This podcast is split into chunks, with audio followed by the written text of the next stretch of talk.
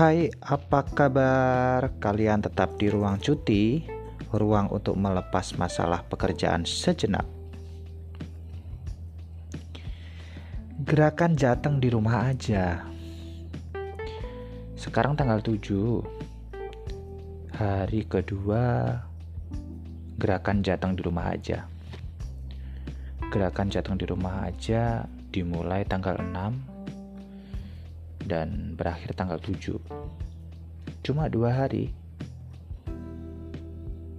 Tapi entah kenapa ya orang-orang seakan kurang banget untuk menghormati gerakan jateng di rumah aja. Saya tinggal di kota Semarang. Banyak orang-orang yang seakan-akan mengindahkan gerakan jateng di rumah aja. Padahal ya sudah diterima ya informasi ini. Kalau nggak salah tiga hari sebelumnya saya sudah terima info untuk gerakan jateng di rumah aja. Entah itu di media sosial, ya di di IG milik pemerintah daerah, di akun-akun milik pemerintah daerah bahkan oh, dari perangkat kecamatan atau kelurahan pun saya rasa sudah melakukan sosialisasinya. Gerakan jateng di rumah aja di hari pertamanya itu seakan-akan alam memberikan kontribusinya gitu. Jadi dari malam ya tengah malam sampai siang itu hujan gak berhenti berhenti hujan deras sekali. Sehingga air dari pegunungan itu turun semua ke area bawah jadi uh, setengah dari kota Semarang yang ada di pesisir yang ada di bawah itu terendam banjir. Ya, terendam banjir. Aku lihat di postingan teman-teman yang ada di bawah yang ada di kota Semarang bagian bawah itu bahkan ada yang setinggi lutut dan setinggi paha orang dewasa itu kan ya sedikit mengganggu pekerjaan ya. Sedikit mengganggu aktivitas. Makanya sih sampai keluar meme dari wajahnya Pak Ganjar. Saiki kowe ngerti le? Kenapa kok uh, gerakan jateng di rumah aja tanggal 6 sampai 7 nggak tahu deh siapa yang mengviralkan meme tersebut dan viral untuk di wilayah Jawa Tengah gitu. Dan aku juga lihat tempat di kota lama gitu itu udah banjir udah setinggi lutut orang dewasa. Ya pasti akan sangat PR banget untuk dinas kebersihan. Setelah banjir akan membersihkan seluruh area kota lama tersebut. Dan juga yang viral itu foto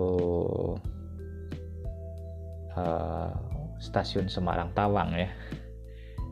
Itu kalau kalian bisa membayangkan kursi tunggu yang biasanya ada di stasiun yaitu setinggi dudukannya itu. Untung aja mungkin uh, tidak ada aktivitas tidak banyak aktivitas menggunakan kereta ya karena kan ya di masa pandemi apalagi kan orang-orang uh, uh, males ya untuk keluar karena ada gerakan jateng di rumah aja gitu.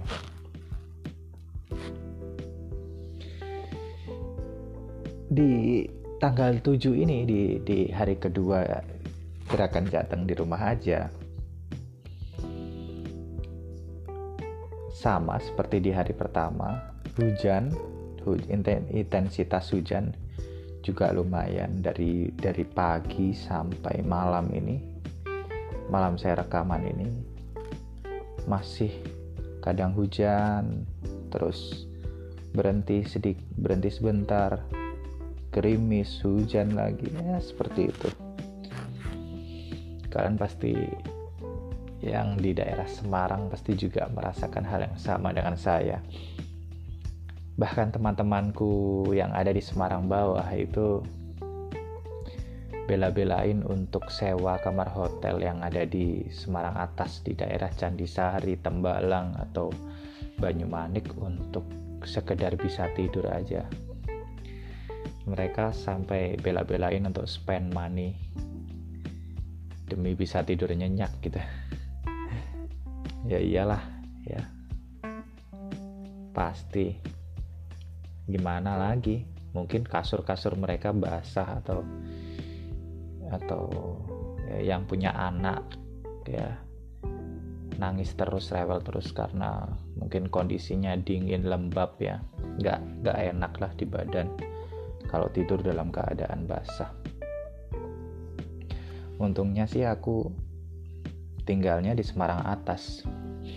Jadi tidak begitu merasakan dampak dari banjir ya. Karena di Semarang atas nggak ada yang banjir. Tapi cuma udaranya sangat dingin. Jadi kalau tidur ya harus pakai selimut kayak gitu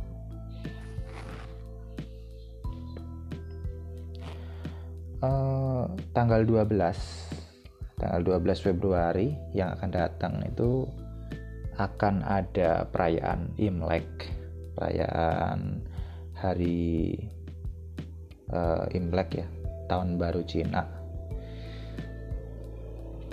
Uh, sedikit penasaran sih sama teman-teman yang merayakan Imlek, teman-teman yang merayakan tahun baru Cina. Kira-kira gimana ya merayakan tahun baru Cina di masa pandemi? apa mereka masih berkunjung ke ke keluarga-keluarga? Atau menahan diri untuk hanya merayakan di rumah aja gitu bareng keluarga kecil yang ada di rumah gitu? Atau gimana gitu atau ada pertunjukan barongsai online atau atau kegiatan di uh, apa? Biasanya kan ada sembayang-sembayang di di di apa? Di uh, tempat peribadatan. Apakah uh, dilaksanakan online juga gitu via Zoom atau Google Meet gitu. Berarti kan teman-teman kita yang Nasrani juga uh, merayak uh, bukan apa itu melakukan misa dan juga kebaktian kan via online juga. Bahkan saudara saya yang Katolik juga masih merayakan masih apa itu? Sembayang juga misa setiap minggu di via online gitu. Ya kita nggak tahu lah. Tapi nanti aku bakal ada acara podcast tersendiri khusus membahas soal Chinese New Year atau Imlek yang ada di Indonesia di masa pandemi itu seperti apa. Terus ada satu lagi temanku yang sekarang di Taiwan yang uh, dia meneruskan pendidikan S2-nya di Taiwan.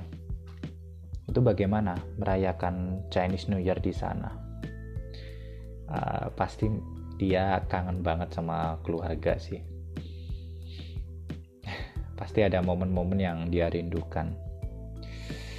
Jadi kalau kalian penasaran, kalian bisa dengerin podcast Ruang Rindu tanggal 10 jam jam 9 malam.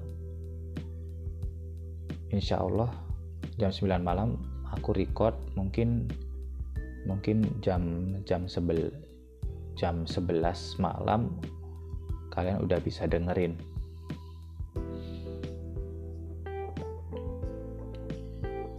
kalian bisa dengerin di Spotify atau atau Anchor. Uh, Valentine Valentine tanggal 14 Februari. Ini juga akan dilalui sih ya. Akan ya belum ya. Nggak tahu deh bagaimana ya. Apa perayaannya dengan online atau ya mereka eh, pasangan bertemu gitu. Tetap ngasih cok tetap ngasih coklat gitu. Atau yang dikasih bukan coklat. Tapi hand sanitizer kayak gitu.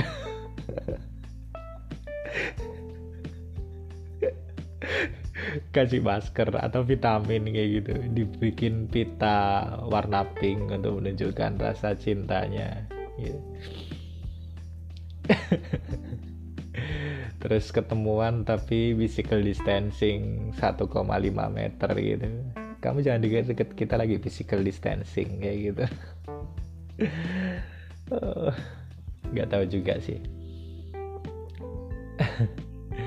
Gimana perayaan Valentine di di masa pandemi ini kalau dulu kan kita biasanya ngerayain Valentine itu kita ngasih coklat ke pacar kita terus kita ajak makan habis gitu uh, kita pergi ke bioskop untuk nonton film. Dan biasanya di bioskop juga di waktunya Valentine itu ada ada film soal percintaan romantis gitu. Ya. Dan bioskop pasti rame banget sih kalau di masa Valentine kayak gitu. Tapi kalau di masa pandemi ini ya sepi ya pasti ya. Ya orang udah takut duluan untuk banyak orang berkumpul di satu tempat yang tertutup dengan AC ya. Hmm walaupun ya mungkin kapasitas 50% dari dari jumlah kursi mungkin ya tetap kalau aku sih ya nggak mau lah ya nonton film ya mending di iFlix atau YouTube lah. Mm -mm. ya tapi uh, gimana ya? Nggak asik juga ya kalau pacarannya via zoom gitu misalnya. Tapi nggak kok orang-orang sekarang orang-orang Indonesia juga pada kayak bebal banget udah kebal gitu. Sepertinya covid ini hanya hanya isu belaka gitu nggak nyata gitu ya. Orang-orang tetap aja gitu di warteg atau di mana gitu tetap uh, makan bareng tanpa physical distancing. Terus jam malam ya tetap aja keluyuran untuk uh, keangkringan lah apa gitu. Ya sepertinya juga orang-orang sudah lelah dengan covid-covid ini. Ya begitu juga dengan aku ya. Kita semua merasakan hal itu. Pakai masker tiap hari. Terus hand sanitizer. Ke mana-mana gitu mau masuk cuci tangan dulu mau masuk ke toko buku mau masuk ke tempat perbelanjaan harus ah, cuci tangan dulu gitu. Padahal dulu kita ya masuk-masuk aja gitu santai banget menikmati hidup. Mau makan makan mau nongkrong nongkrong ya gak ada pikiran sekarang kayak harus mikir dua kali lagi di mana sih tempatnya rame nggak sih gitu. kalau rame mending nggak usah sih tempat yang sepi aja gitu. Kalau mau nongkrong sama teman-teman kantor gue biasanya gitu. Atau mending uh, kayak delivery order gitu aja via GoFood atau GrabFood. Ya walaupun harus mengocek duit yang cukup banyak ya. Karena kan harganya uh, pasti sedikit lebih tinggi dibandingkan kalau kita beli langsung di tempatnya. Ya ada harga yang harus kita bayar. Lumayanlah untuk membantu perekonomian abang-abang ojek online. Besok hari Senin, besok hari Senin dan kita harus kerja lagi. Kita harus kembali berjibaku dengan kertas-kertas dan file-file. Lalu uh, mungkin di antara kalian harus telepon beberapa customer telepon beberapa cal calon prospek walaupun hal itu melelahkan tapi kita tetap harus bertahan kita tetap harus bersyukur kita punya pekerjaan mungkin di antara kita juga malas dengan agenda rapat by Zoom yang sudah tidak ada batas waktu dan batas tempat gitu.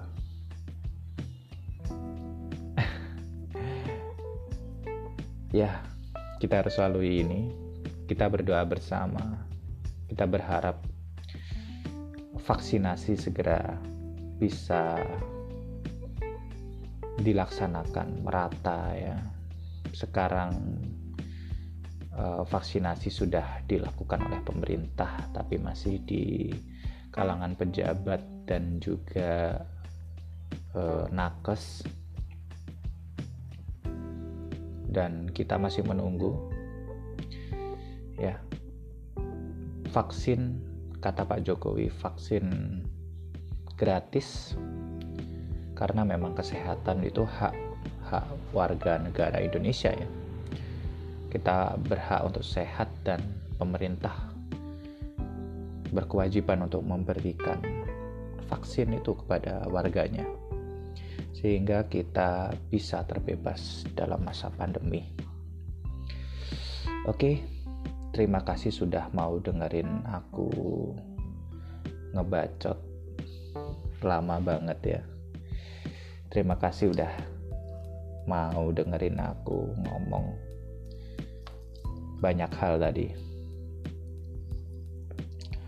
Oke, terima kasih. Sampai jumpa di kesempatan yang lain di podcast-podcast ruang cuti. Terima kasih.